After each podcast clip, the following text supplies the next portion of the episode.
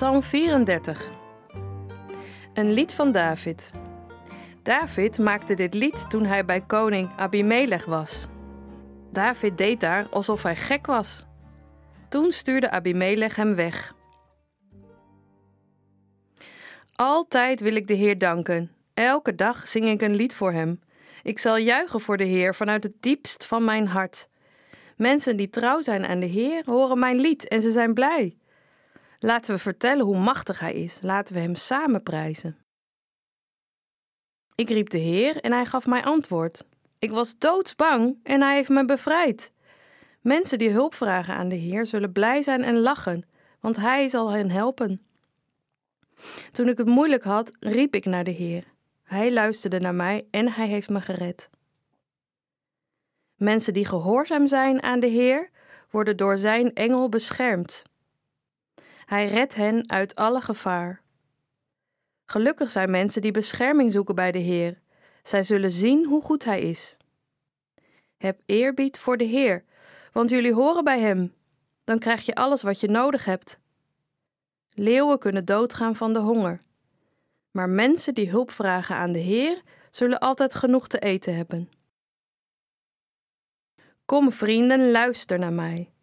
Ik wil je leren om eerbied te hebben voor de Heer. Houd je van het leven?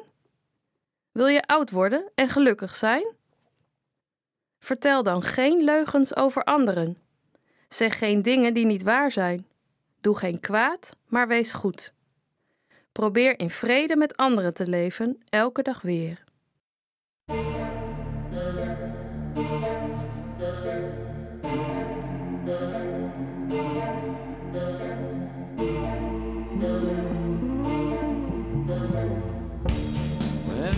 Outside temperature rises and the meaning is oh clear. 1001 yellow daffodils. David maakte dit lied toen hij bij koning Abimelech was en deed toen alsof hij gek was. En toen stuurde Abimelech hem weg.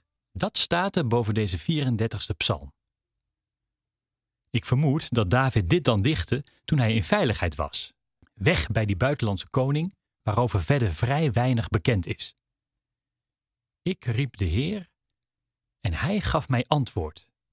Ik was doodsbang en hij heeft mij bevrijd, zo staat er. Deze psalm is een soort opsomming, zelfs heel letterlijk. In het Hebreeuws heeft het 22 versen, evenveel als het aantal Hebreeuwse letters van het alfabet, en ieder vers begint ook met een andere letter, letterlijk van A tot Z dus. Alles. Dat verklaart ook het hoge goede raadgehalte van deze psalm. Want waar gaat het nu eigenlijk om?